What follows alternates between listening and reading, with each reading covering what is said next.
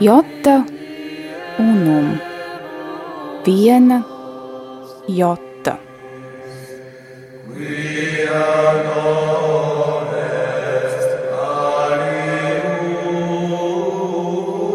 Tradīcija Skaistums, kas paceļas pāri laikam.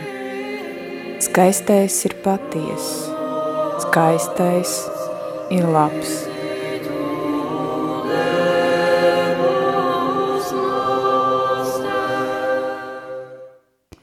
Sveicināti, dārgie radio Marija klausītāji!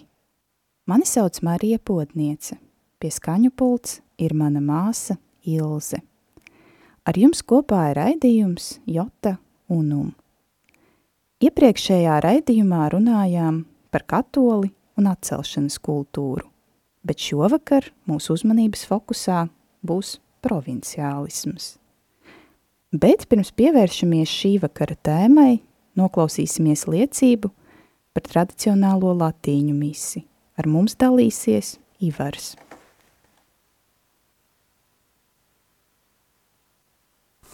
Lai top slavēts Jēzus Kristus, mani sauc Ivars un es vēlos dot liecību par tradicionālas latīņu misas nozīmi savā dzīvē.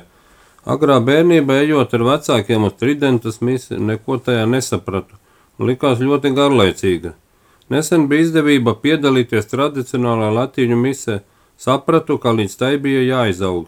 Pēc mises jutos iekšēji sakārtots, skaidrāk sāku apjaust savu ceļu šai pasaulē. Sapratu, ka vien tradicionāla latīņu mise ir svētās mises dziļums, pamatīgums. Arī no pasaulīgām tendencēm šī mise ir brīva. Tradicionālā latīņu mises apmeklējuma uztur manī deksmi neskatoties uz grūtībām un sarežģījumiem, iet pa Jēzus iestādīto ceļu, rada apstākļus un prasmi to pārvarēt. Vecā rita misas ietekmē arī dzīves grūtības pārbaudījumi nav tik nepārvarami. Liekas, kāds palīdz, vada, mazinās iekšējais stress par pasaulīgām problēmām. It kā neatrisināmas lietas sakārtojas. Tradicionāla latīņu misija ir kā tīradnis bez liekā, laikmetīgā, traucējošā iet dieva ceļu – Arī maksimālā goda atdošana dievam liek apzināties savu niecību, nevarību, izprast dieva visvarenību. Tādējādi paļāvīgāk spēja savas neatrisināmās problēmas nodot dieva rokās, pieņemot viņa risinājumu. Šobrīd saprotu, ka, lai ietu patieso Jēzus ceļu, nav jāpakārtojas mūsdienu tendencēm, vien jāturas pie tradicionālām vērtībām. Arī gregoriāniskie dziedājumi mudina meditācijai, sevis izmeklēšanai, un sakārto domas mūžības virzienā. Tēlēni izsakoties, tradicionāla latīņu mise man ir kā kvalitatīvas pirts apmeklējums manai dvēselē, atbrīvošanās no pasaulīgajiem sārņiem. Cenšos pēc iespējas biežāk apmeklēt tradicionālo latīņu misi, jo saskatu tajā dziļu jēgu dvēseles pilnveidošanā un novēlu to arī citiem piedzīvot. Paldies Ivaram par šo liecību, par šo dalīšanos, bet nu laiks īsam liriskajam ievadam. Labvēlīgā tipa dziesmā Eiropa mūs nesapratīs ir šādi vārdi. Lai ko es dziedu runāju, vienmēr beigās piebilstu, Eiropa mūs nesapratīs. Cik pamatots ir šāds uzstādījums? Cik svarīgi ir, lai mūs saprastu tie, ko uzskatām par savu etalonu. Un vai tāds objektīvi vispār pastāv? Šodien mūsu sarunas tēma ir provinciālisms Latvijā un pasaulē. Runāsim par to, cik pamatoti vai nepamatoti sevi vai citus dēvējam par provinciāliem, un vai provinciālisms ir vērojams arī katoļticībā. Mūsu šī vakara viesis ir tiesību zinātņu doktors, un avoce biedrs Juris Rudevskis, kurš mums pieslēgsies no Francijas un eh, vēlos sadzīties personīgā skaudībā eh, par to, ka Jurim ir kopīgas fotogrāfijas ar Atanāziju Šnaideru un bīskapu Reimondu Burku. Eh, esiet sveicināts raidījumā Jota Unum.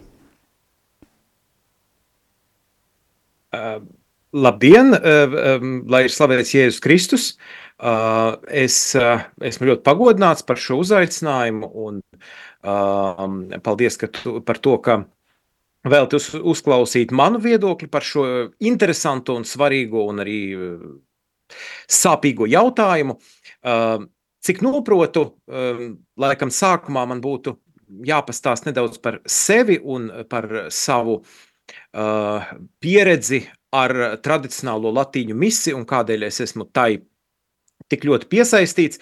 Nu, eh, es teikšu, ka tā dažos vārdos eh, mans eh, gadījums ir īpašs, jo es esmu konvertīts no austrumu pareizticības. Ehm, tas ir tāds nedaudz sarežģīts stāsts. Es nāku no reliģiski jauktas ģimenes, un es tiku nokristīts vairāk no mātes rādu. Tad mātes rādu mani aizveda nokristīt agrā bērnībā, bet atkal reliģisko izglītību es kopš maza vecuma saņēmu no tēva radiem, kas bija katoļi. Un uh, es vienmēr, arī tad, kad es gāju uh, uz uh, pareizticīgo baznīcu, uh, uz liturģiju, es uh, tomēr, cik vien sevi atceros, in pectore, tā tad savā sirdī es vienmēr atzinu katoliskās baznīcas dogmātus, un kad um, priesteris uh, proskomīdijā, tātad ofertorijā, izsauca jeb nosauca baznīcas hierarhu vārdus, tad es vienmēr sākumā pievienoju pāvesta vārdu. Un tikai 23 gadu vecumā, kad es aprecējos ar latīņu rita katolieti, kuri pati konvertējusies bija no, no, no luterānisma, tad es formāli pievienojos katoļu baznīcai, bet es gribu pateikt visiem klausītājiem, nedariet tā, tas nav labi, jo īstenībā um, no morāla teoloģijas viedokļa, ja cilvēks apjēdz, ka uh, katoliskā baznīca ir īstā Kristus baznīca, tad viņam ir nopietns pienākums, uh, ja tas ir iespējams, izdarīt formālo uh, pievienošanās aktu un vilkt garumā, un to nedarīt, tas vispār ir grēcīgi, līdz ar to šim manam pagātnes um, piemēram lūdzu nesekojiet. Uh, un um, tā kā es uh, biju atdalītā, tātad Romu uh, kopībā neesošā baznīcā kristīts, uh, Bizantiešu ritā, kas ir uh, pareizticīgo baznīcas rits, un saskaņā ar kanoniskajām tiesībām es um, nekad neesmu rakstījis uz Vatikānu, lai Vatikāns man nomainītu ritu, jo, zināt, baznīcas rits, tā rita piedarība, tas ir apmēram tāpat kā laicīgajā dzīvē tautība, tā, tā ir vesela identitāte. Un um, to var nomainīt izņēmuma kārtā, tikai eh, svētais krēsls. Es nekad neesmu to rakstījis, līdz ar to formāli.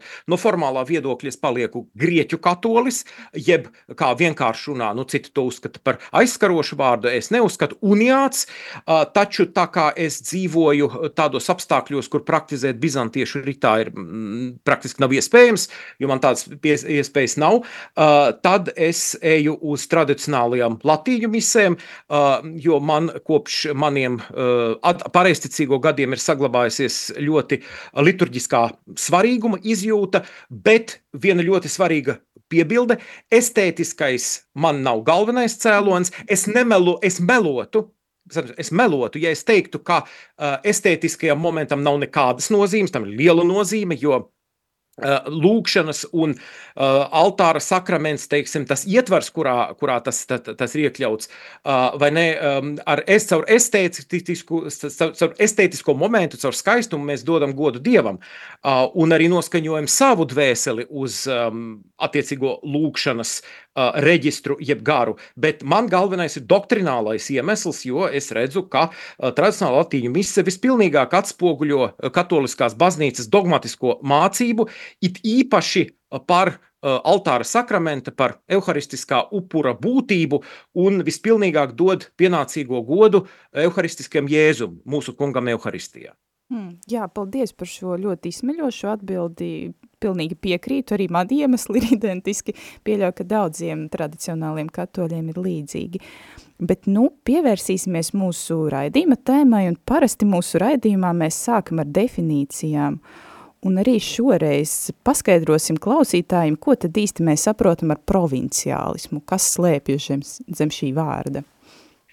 Jā, tas ir ļoti svarīgi, jo mm, vispirms tā kā jā, mēs esam tradicionāli katoļi, tad mums ir jātur godā holistiskā tradīcija, un holistiskā tradīcija uh, nozīmē uh, vienmēr uh, sākotnēji definēt jēdzienus galu galā, Galu galā arī Sokrāts bija tas, kurš pirmais sāka tā konsekventi prasīt definēt visus jēdzienus, par ko viņš arī tika sodīts ar nāvi, bet tā viņš lika mūsu lielās intelektuālās tradīcijas pamatus. Tātad vārds provinciālisms, es, es teikšu, ka, manuprāt, tas ir uh, maldīgs, jo šis vārds ir, sāksim ar to, ka tas, ko mēs iesim, teiksim tā, iesim no nezināmā uz zināmo. Tas, ko mēs uzreiz zinām, ir tas, ka provinciālisms ir kaut kas negatīvs. Šim vārdam ir negatīva konotācija, vai ne? Jā. Uh, un uh, ši, šis vārds, kāpēc saku, ka tas ir mazliet maldīgs no etimoloģiskā viedokļa, tādēļ, ka um, dzīvot provincē vai rūpēties par provinces lietām, tas nav nekas slikts. Mm, gluži otrādi, kā mēs redzēsim, pats par sevi tas ir ļoti labi. Piemēram, man personīgi, es esmu rīznieks, bet um, tad, kad es braucu uz Latviju, man daudz labāk patīk uzturēties uh, tādās um, provinces pilsētās, kā teiksim, Cēsis, Aizpute un tā tālāk, uh, nekā manā dzimtajā Rīgā. Un, uh, bet nu, labāka vārda mm, pagaidām latviešu valodā nav. Angļu valodā ir viens vārds, kurš, manuprāt, tīri tā eh, emocionāli mm, varbūt ir veiksmīgāks. Tas ir vārds parokialisms. Un tas ir tas, ko es saprotu ar provinciālismu. Tas, tas būtībā ir tas, tas, tas, tas mm, provinciālisms, teiksim, tā negatīvā nozīmē. Vārds parokialisms, kuram arī negatīva konotācija.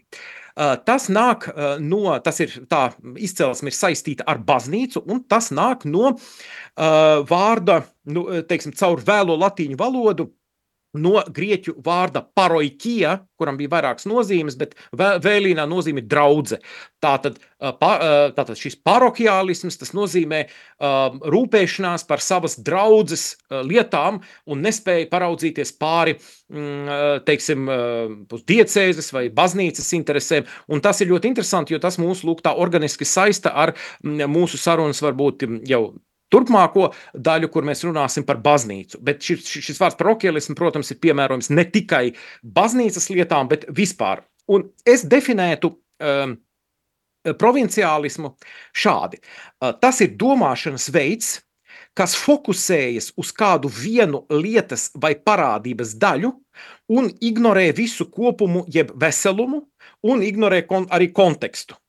Uh, vienkāršotā sarunā, kad mēs dzirdam, nu, tā, tā teiksim, runājam pie kafijas tases, to varbūt var apzīmēt arī ar tādiem mazāk precīziem vārdiem, kā aprobežotība, šaurpierība. Nu, burtiski, es teiktu tā, uh, vislabāk provinciāli, šo provinciālismu domāšanu mm, ilustrē tāda, tāds teiksim, metaforisks izteiciens, ka cilvēks redz kokus, bet aiz šiem kokiem neredz mežu. Uh, manuprāt, tas ir vislabākais, kā, kā, kā to var ilustrēt. Un, uh, tieši un šī, šī definīcija darbojas tieši sociālajā, sociālpolitiskajā kontekstā, plašākajā nozīmē. Tātad gan politikā, gan mūsu attiecībās ar cilvēkiem, gan teiksim, mūsu attieksmē pret kultūru, gan arī baznīcas dzīvē. Uh, nu, tāds vien, tāda viena ilustrācija, kas, manuprāt, ir tāda vis, vis, visskaudrākā un visskaidrākā. Piemēram, šādas provinciālas domāšanas paraugs ir, ja cilvēks dzīvo kādā pašvaldībā, un šajā pašvaldībā notiek vēlēšanas, un tur balotējas kāds kandidāts, uh, kurš uh, pieder pie tādas partijas, kas balansējot uz likumības robežas, ir nu, diezgan skaidri Latvija naidīga, un šī, un šī partija faktiski cīnās par to, lai Latviju pievienotu Krievijai. Un eh, šis, un šis cilvēks tomēr balso par šīs partijas kandidātu ar to, eh, tā, tādu motivāciju, ka nu, šis kandidāts sola sakārtot atkritumu konteineru izvietošanas problēmu šajā ciematā, Jā. bet nesaprastams to, ka tādā veidā viņš stiprina šo partiju, kas uh, draud, ab, ka, ka, ka, kas, teiksim, draud mm, radīt briesmas visai Latvijas valstī, un uh, galu galā, ja notiks nedod Dievs karš, tad, tad, tad, tad tas jautājums ar, tā, ar tām atkritumu atkritumu konteineriem vairs nebūs um, aktuāls, e, jo tad būs jautājums dzīvot vai mirt. Lūk, piemēram, šāda ilustrācija, apmēram tā schematiska, ko nozīmē um, Uh, ko nozīmē provinciālisms? Nu, par provinciālismu baznīcas ietveros mēs vēl parunāsim. Jā, jā, noteikti. Respektīvi, varbūt mēs to varam kaut kā kopsavilkt, tas nozīmē ne, neredzēt tādu lielo bildi, respektīvi koncentrēties uz kaut ko tādu mazo skrūvītu un neredzēt lielo mehānismu. Tieši tā. Mm. Tieši tā. Un tad izriet no tā nākamais jautājums, kam tad ir tiesības šo apzīmējumu piešķirt otram? Kurš tad sēž uz tās lielās siena kaudzes un raugās apkārt un var teikt, tu esi provinciālis vai arī neesi provinciālis? Kam à, nē, nē, nē, es jau, tas, ko es gribu teikt, ir tas, ka šajā gadījumā mēs jau polemizējam nevis ar personībām, nevis ar cilvēkiem, nevis, teiksim, jā, jā, jā, ar jā, kaut kādu hominem arguments, mm. bet, bet, bet, bet, bet, teiksim, jā, jebkurš cilvēks, kurš redz, ka otrs, piemēram, spriež uh, par kaut ko nesaprastams kontekstu un vispārējo, mm. vispārējo teiksim, ainu, bet, bet tā, kā jau teicu, redz kokus, neredz mežu, tas ir tiesīgs teikt, piedodiet, bet jūs tiešām spriežat provinciāli. Viens piemērs, ar kuru man pašam ir gadījies ļoti, mm, diemžēl, skaudri saskarties, tas ir pašreizējā Krievijas agresijas Ukrainā kontekstā es redzu, kādas muļķības runā un raksta mani amerikāņu paziņas, bieži vien arī no tradicionālo katoļu starpes, bet ne tikai, kuri, ievērojot to faktu, ka Amerika ir liela valsts, Amerikas Savienotās valsts ir tāda liela valsts, kas lielā mērā ir pašpietiekama. Viņi, piemēram, visur saskata, ja kaut, ja kaut kas notiek pasaulē, viņi saka, tas ir mūsu centrālās izlūkošanas pārvaldes um, darījums. Un, to, ir, to ir mūsu CIA, centrālā mm. izlūkošanas mm. pārvalde, to ir mūsu spiegi izdarījuši.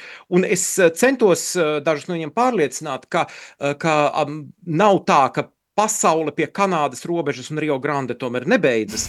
Un ka, nav tā, un ka Amerikai Savienotās valsts ir ļoti svarīga uh, valsts, tā ir, tā ir lielākais smagsvars pasaules politikā, bet, bet, bet tā nav vienīgā, uh, kur, kur var būt dažādu politisko un sociālo politisko norišu sek, cēloņi. Un galu galā eh, Putins bija varējis gribēt eh, iebrukt Ukrainā arī bez uh, Amerikas Savienoto valstu politiķu iejaukšanās. Un es viņiem saku tādā drusciņā tā, tā, tā, tā vīpsnājot, ka, zināt, um, ja Argentīnā, Patagonijas pampā aitkopim Donam Antonio degunā iedzeļ mm, ots, tad tas varbūt nav centrālās izlūkošanas pārvaldes uh, sarīkots spiegu būšana. Jā, jā. jā, es arī esmu novērojis šo problēmu tieši jā, Amerikas tradicionālo katoļu vidū. Tas ir sāpīgs jautājums priekš mums, kā tādiem Eiropas iedzīvotājiem, kas ir saskārušies ar šo Krievijas agresiju. Bet tādējādi mēs nonākam pie nākamā jautājuma par to, vai un kur jūs Latvijā, nu, pēc jūsu novērojumiem var redzēt šo, šīs provinciālas iezīmes, jo, kā jau jūs tikko atzināties, apmeklējat Latviju un ne tikai Rīgu. Ko varbūt jūs kā cilvēks, kas periodiski šeit ierodas, kādas ir tās mūsu iezīmes? Nu, es tomēr ar Latviju diezgan ciešu sakarus uzturu. Mm. Un, uh, bet arī varbūt man ir zināma priekšrocība, jo es varu paskatīties no malas. Jā, jā. Vismaz daļēji. Es, protams, esmu visā tajā iekšā, jo es esmu latvietis un dzimis Latvijā un audzis Latvijā, bet citreiz varu tā paskatīties to no malas.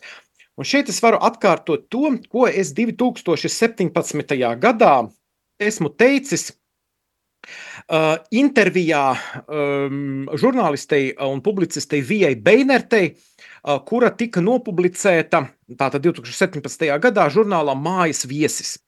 Kā uh, figurāli sakot, metaforiski izsakoties, uh, postpadomju latvietis uh, atrodas pa vidu, kā starp Scilu un Haribdu, starp divām tādām, diviem tādiem kārdinājumiem, ļoti sliktiem, kurus es tā dzīski nosaucu starp švaukstu un pokaiņiem.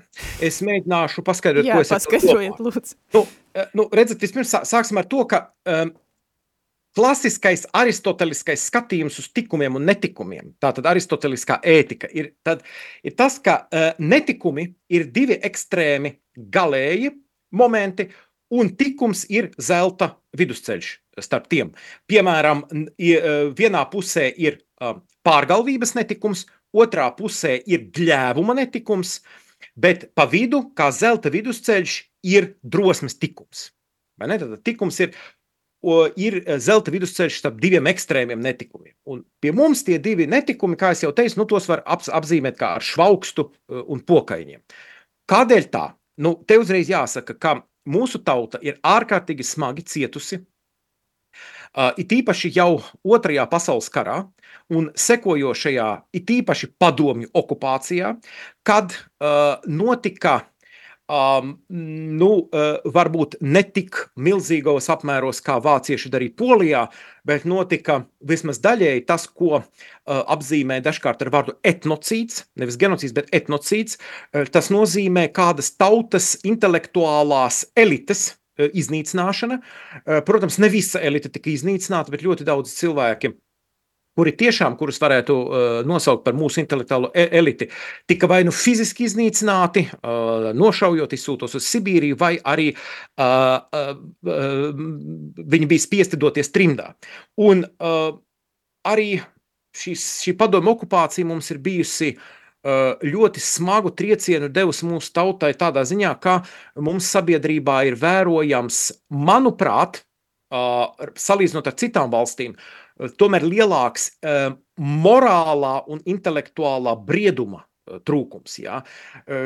Jo tas, ko mēs, mēs, mēs teiksim, redzam, cilvēki dižojas ar tādām lietām, teiksim, politiķi, kuri, kuri preces un šķiras desmitiem reižu, tomēr pat tā saucamajās liberālajās valstīs, kā piemēram Francija, ar to neviens nedižojas un nelepojas. Tas ir tikai viens no tādiem piemēriem.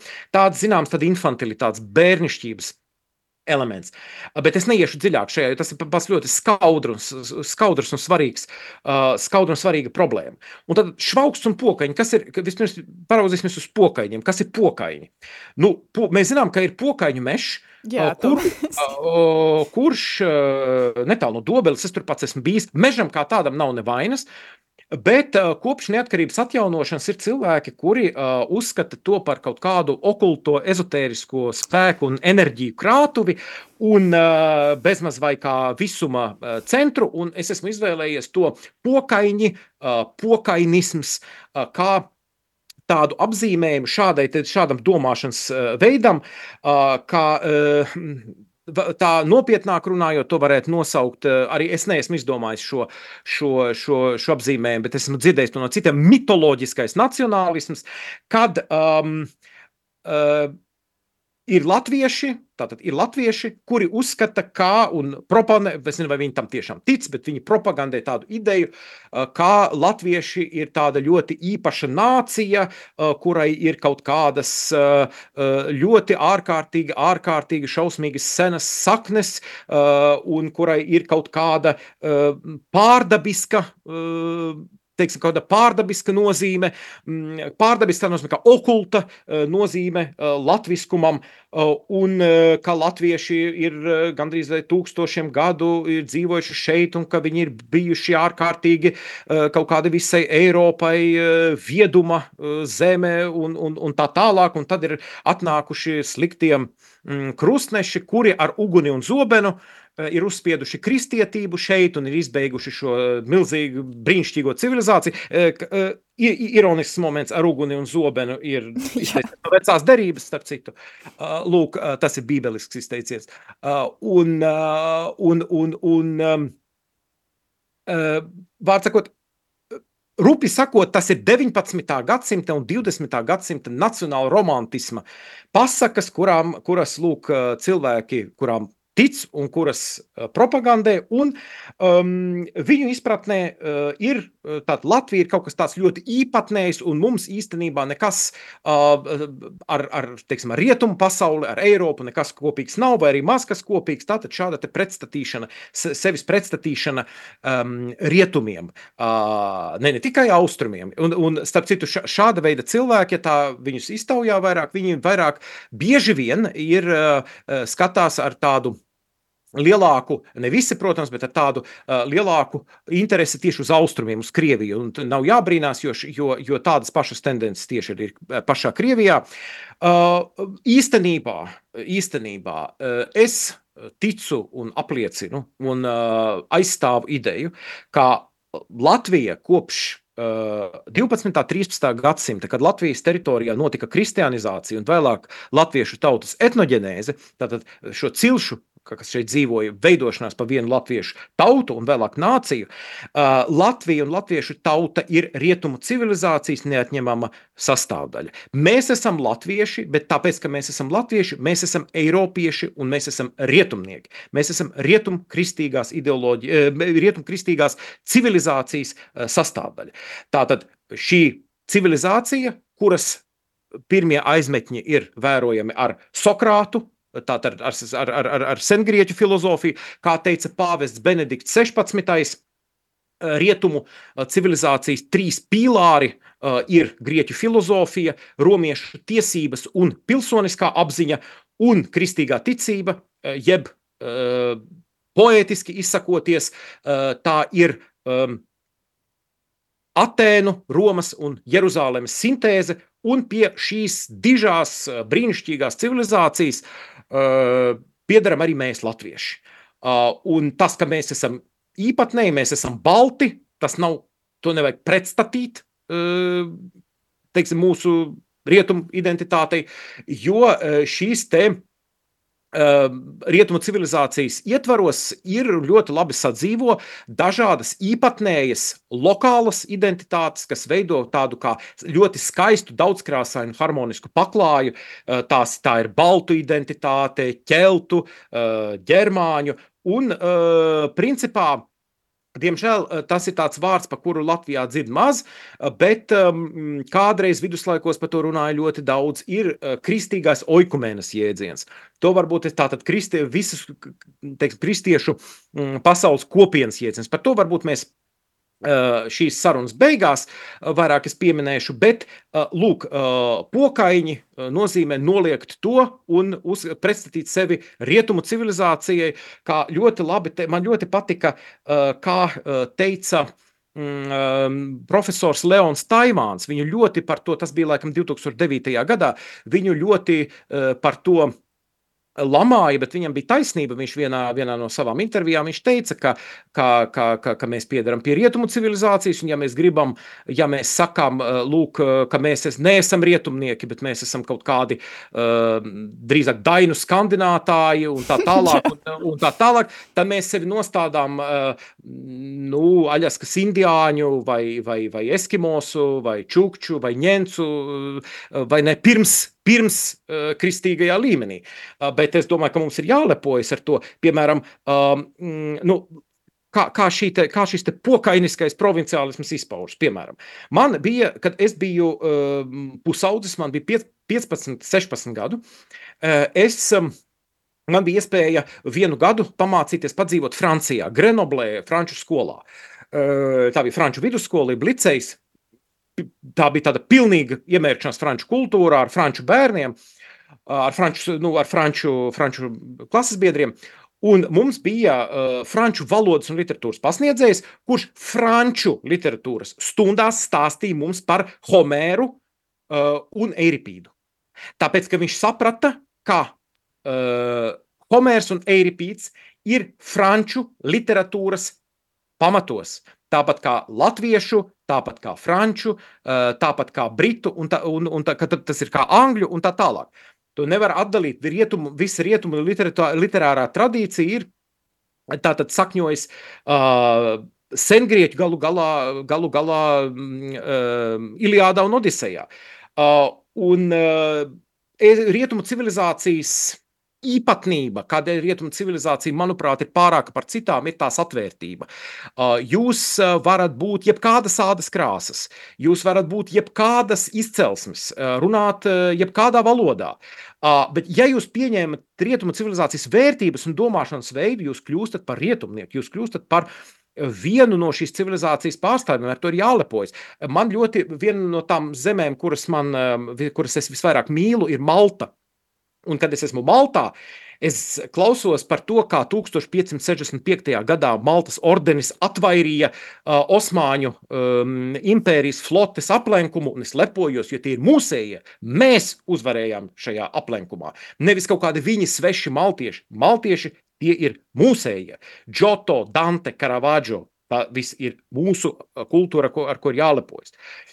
Lūk, uh, tā tad Eh, pokaini ir jauks mežs, bet nepaliksim tur uz visu mūžu. Mm. Apmeklēt var, bet nevar. Un tagad eh, paraudzīsimies eh, uz švaukstu. Švauksts, kā zināms, ir, uh, manuprāt, ģeniālā un vienmēr aktuālā brāļu kaudzīšu romāna mērnieku laiki. Uh, tāds uh, komisks personāžs, jauns latviešu zemnieks, kurš kaunējas no savas latvietības un uzdodas par vācieti un, izd, un, un, un rīkojas kā vācietis. Nu, faktiski švaukstisms un pokainisms ir vienas un tās pašas medaļas divas puses. Tās ir uh, identitātes uh, un teiksim, tā nacionālā uh, mazvērtības kompleksa simptomi, kas var izpausties šādos divos diametrāli pretējos veidos.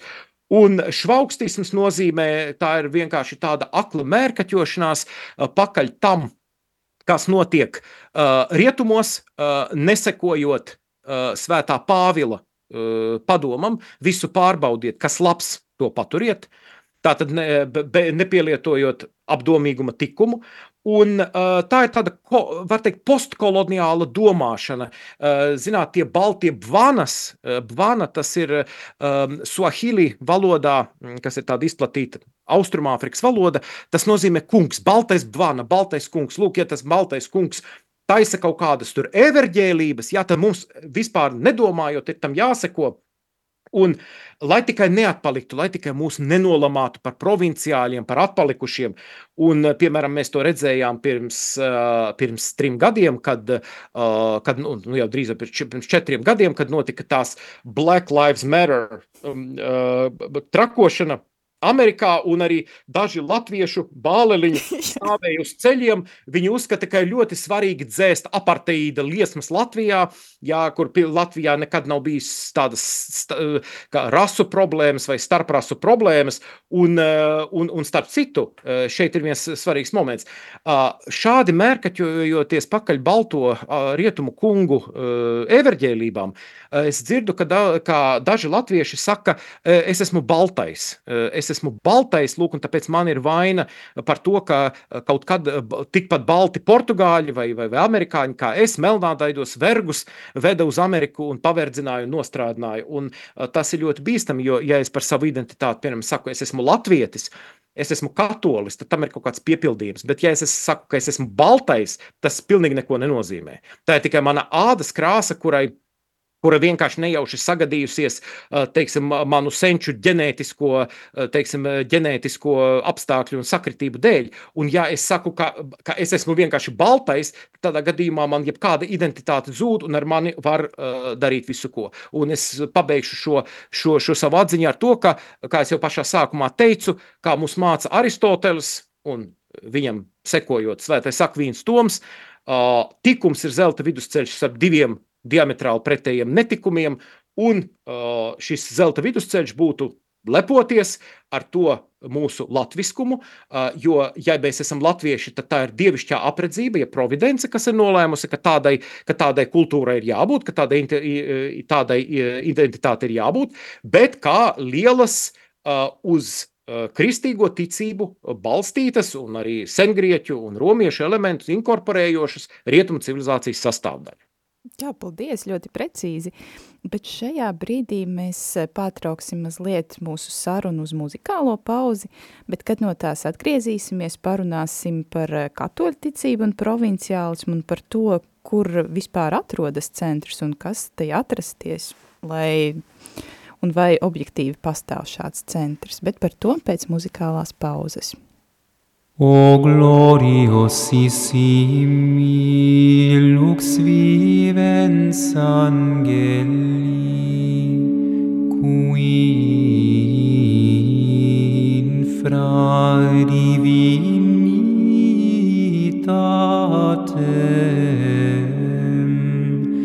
divi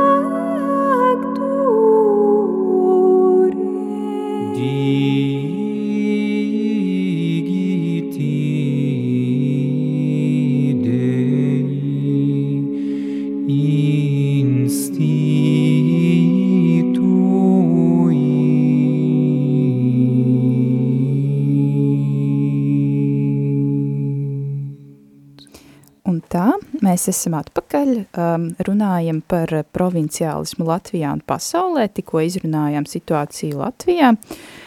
Un uh, tomēr ir tāds papildus jautājums par to, vai tomēr var iedomāties kādas situācijas, ka tomēr provinciālisms būtu uzskatāms ar priekšrocību par kaut ko labu. Nu, es teiktu, ka varbūt nevis provinciālisms ir uzskatāms par priekšrocību, bet gan lokālisms. Tas nozīmē, um, nu, poetiski izsakoties, sakopt savu sētu uh, vispirms, bet paturot prātā arī globālo lietu kārtību un globālās uh, problēmas. Uh, šeit, uh, nu, jāsaka, ka um, kā viens no katoļu baznīcas um, sociālās mācības stūrakmeņiem ir subsidiaritātes princips, kur es pats esmu arī uh, ilgus gadus pētījis, um, kurš ir definēts uh, pāvesta pī 11. Mm, enciklikā uh, Quadragesimo anno uh, 1931. gadā, mm, kā um, ja kādu problēmu uh, var atrisināt zemākā līmenī, uh, tātad, piemēram, pašvaldībā vai valstī, vai arī katrā konkrētā ģimenē, tad ar šo problēmu nav jānodarbojas eh, augstākam līmenim, piemēram, valstī vai Eiropas Savienībai.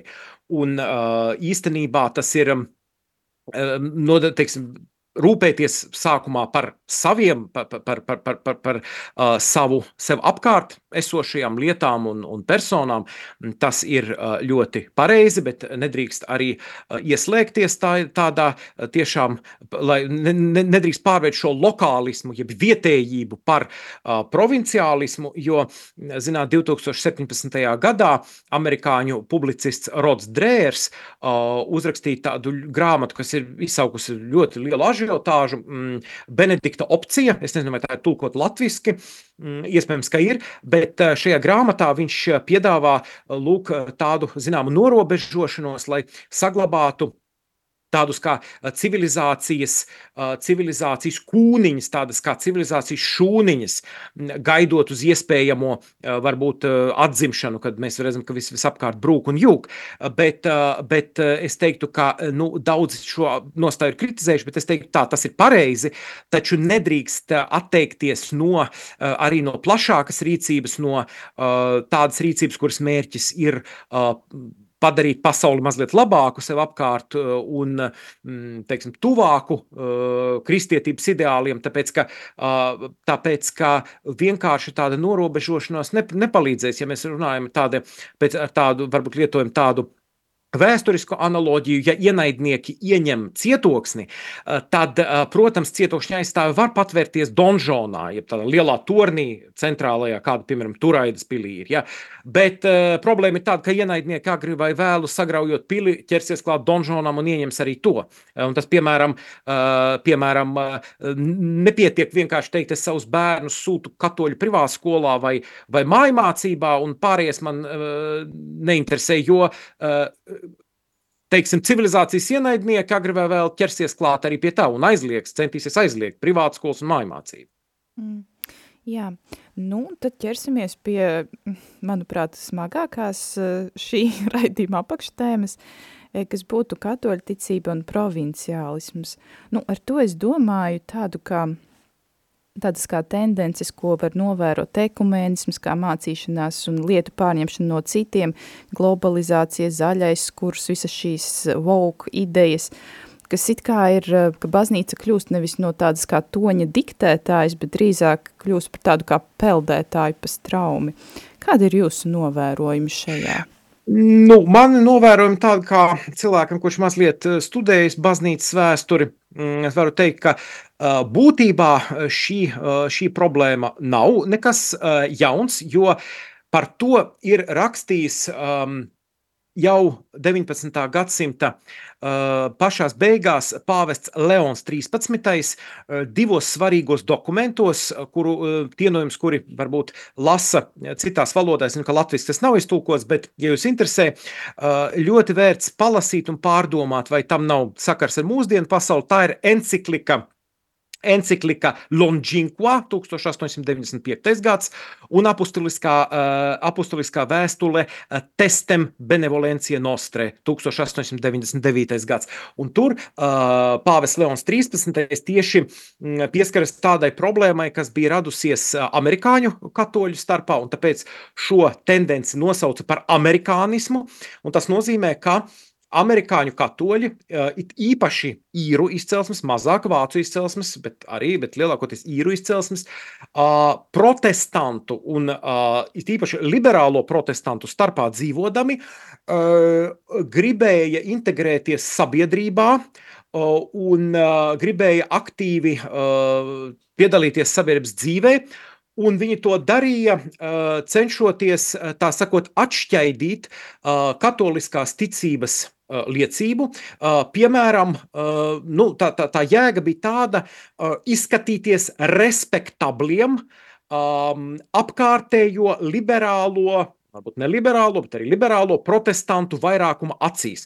Un tas nozīmē, teiksim, noklusēt vai aiztušēt atsevišķas katoļu, katoliskās ticības momentus, piemēram, kontemplatīvās dzīves nepieciešamību un pārākumu par aktīvo vai ne, un, un, un, un censties it kā katoliskās ticības tādas patiesības varbūt tās tā nesludināt un tādā veidā faktiski pārvēršoties par protestantu vairākumu. Teiksim, mēs dažus dogmātus, kas aizskar vairākumu, mēs varbūt noklusēsim, mēs raudzīsimies uz kaut ko tādu, kas ir, kas, kas mūs vieno, nevis kas mums šķēļ. Mēs, noklu, mēs, mēs, mēs tādā pārāk, pārāk nesprēgāsim, vienkārši sakot.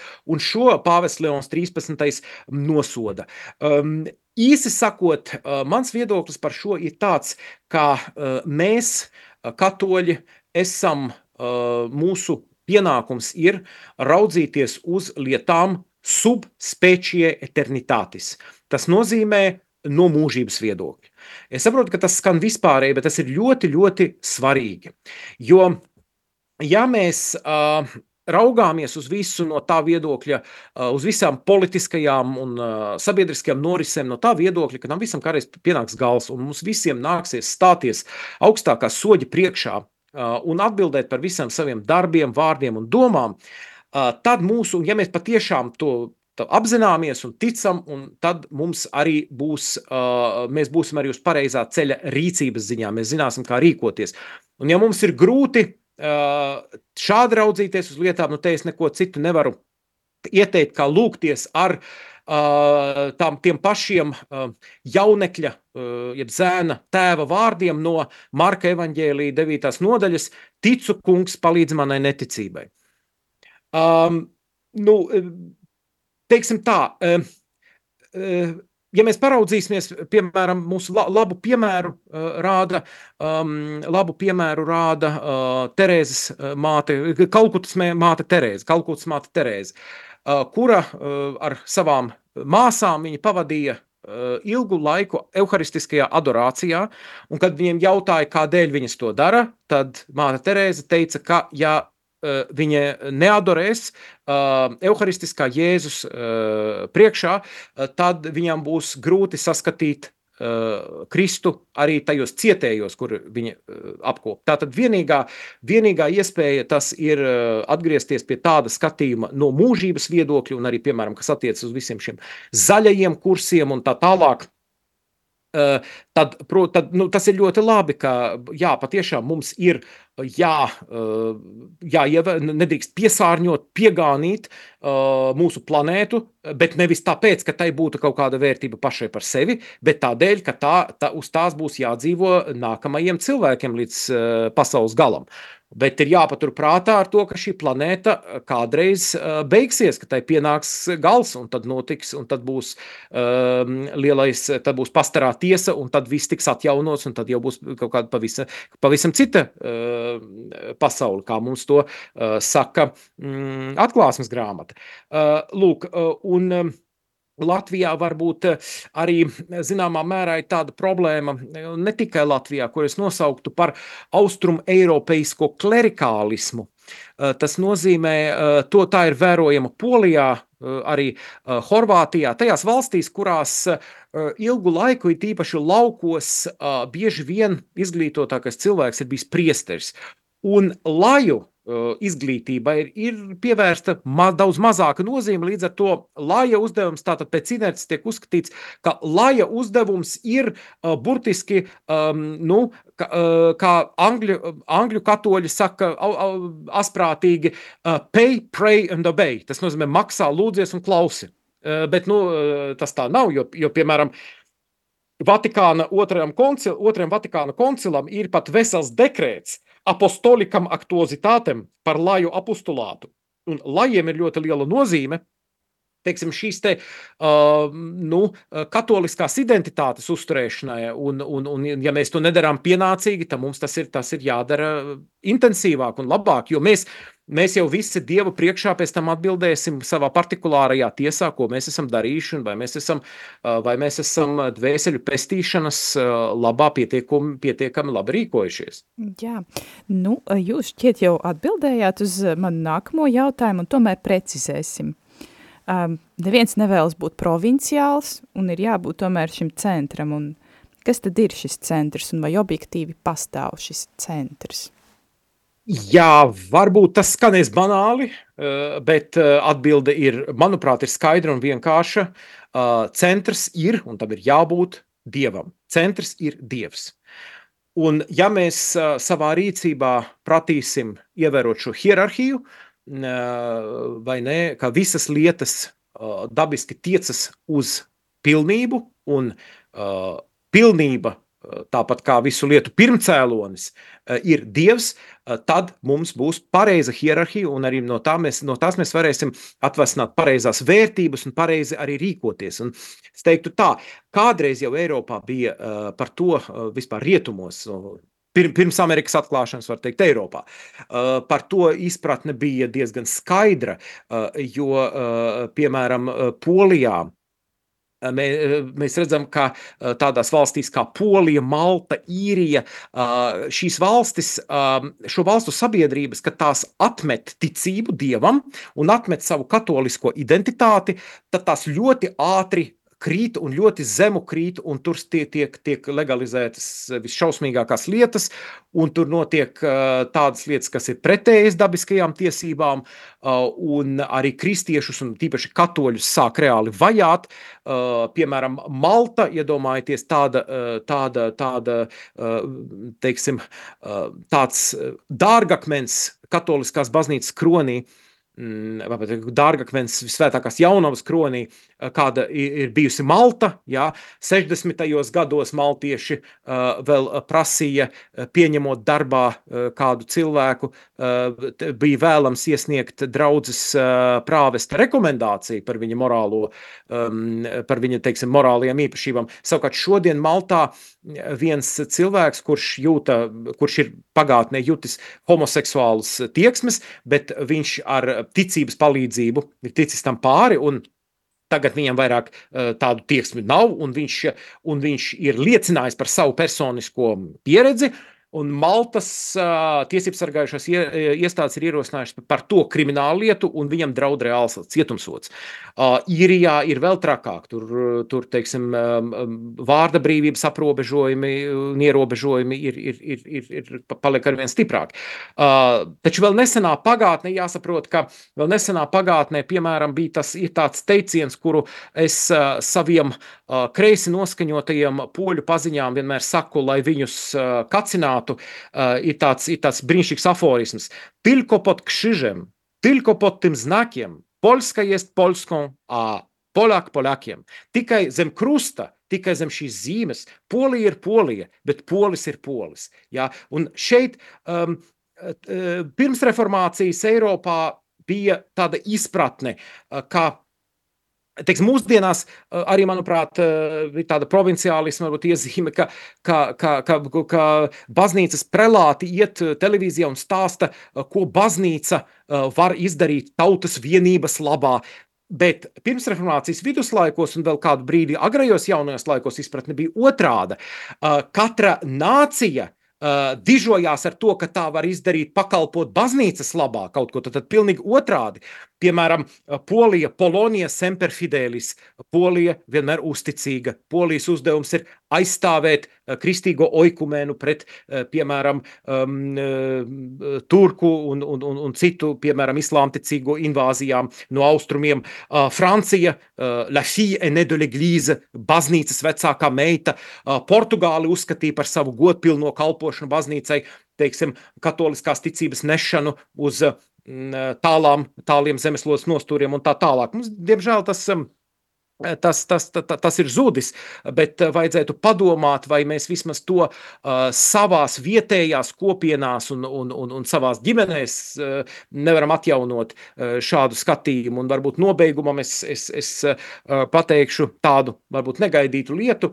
Es atsaukšos uz vienu tādu ļoti svarīgu grāmatu, kuru uh, varbūt daudzi no mums ir bērnībā lasījuši. Ir, tas ir Daniela Defo romāns Robinsons Krūzo, kuru gan, diemžēl, daudzi ir lasījuši padomju cenzētajā variantā, bet, ja mēs to izlasām sākotnējā oriģināla variantā, tad mēs saprotam, ka tas ir būtībā Robinsons Krūzo ir teoloģisks traktāts, kurš skar ļoti svarīgus cilvēcis, cilvēcības un cilvēka attiecību ar dievu aspektus. Un viens no tiem ir tāds, ka, ja jūs nokļūstat uz, uz uh, neapdzīvotas salas, un neapdzīvota sala var būt arī megapolis vidū ar miljoniem cilvēku apkārt, jūs, jū, jūs varat civilizāciju izveidot sev apkārt pats. Lūk, ir tā galvenā ideja, kura, kura, kura, kura šajā grāmatā ir un pie kuras vajadzētu turēties. Ļoti skaisti. Liels, liels paldies jums, Juri, par eh, piedalīšanos. Bija tiešām prieks jūs eh, uzņemt savā raidījumā. Liels paldies par aicinājumu. Uh, jā, nu un uh, raidījuma noslēgumā um, vēlos atkārtot to, ka tā kā tradicionālā lat, latīņu mise Latvijā joprojām nav pieejama, tad aicinu jūs turpināt lūgties šajā nodomā, lai ticīgiem Latvijā būtu pieejamas tradicionālās latīņu mises. Uh, Tāpat, protams, pateicos ikvienam par jau izrādītu atbalstu lūkšanās un nodomos. Savukārt Radio Marija Latvija vārdā izsaku pateicību par ziedojumiem Radio Marija Latvija uzturēšanā, jo pateicoties jūsu atbalstam vispār varam skanēt. Paldies jums un uz drīzu tikšanos!